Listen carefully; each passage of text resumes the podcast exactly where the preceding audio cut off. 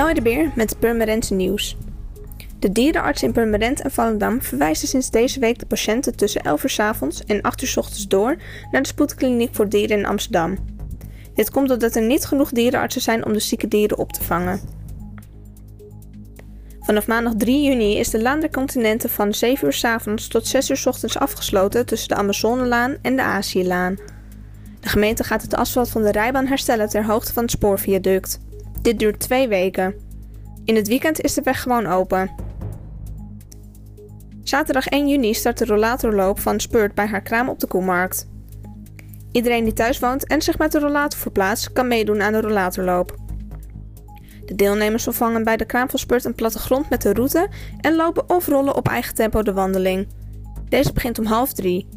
Er is tijdens de wandeling aandacht voor leuke bezienswaardigheden. RTV Permanent presentator Mick Smits is genomineerd voor de prijs Presentatietalent bij de lokale Media Awards. Bij de Media Awards kan een omroep of bepaald persoon opgegeven worden in verschillende categorieën. Een vakjury kiest vervolgens de beste inzendingen. Hiervoor is Mick uitgekozen. Op vrijdag 14 juni wordt bekend of hij deze welverdiende prijs in ontvangst mag nemen. Ook is de Hoornse brug vannacht van 8 uur s avonds tot 5 uur s ochtends dicht wegens werkzaamheden. Voor meer nieuws, kijk of luister natuurlijk naar RTV Permanent, volg je onze socials of ga je naar rtvpermanent.nl.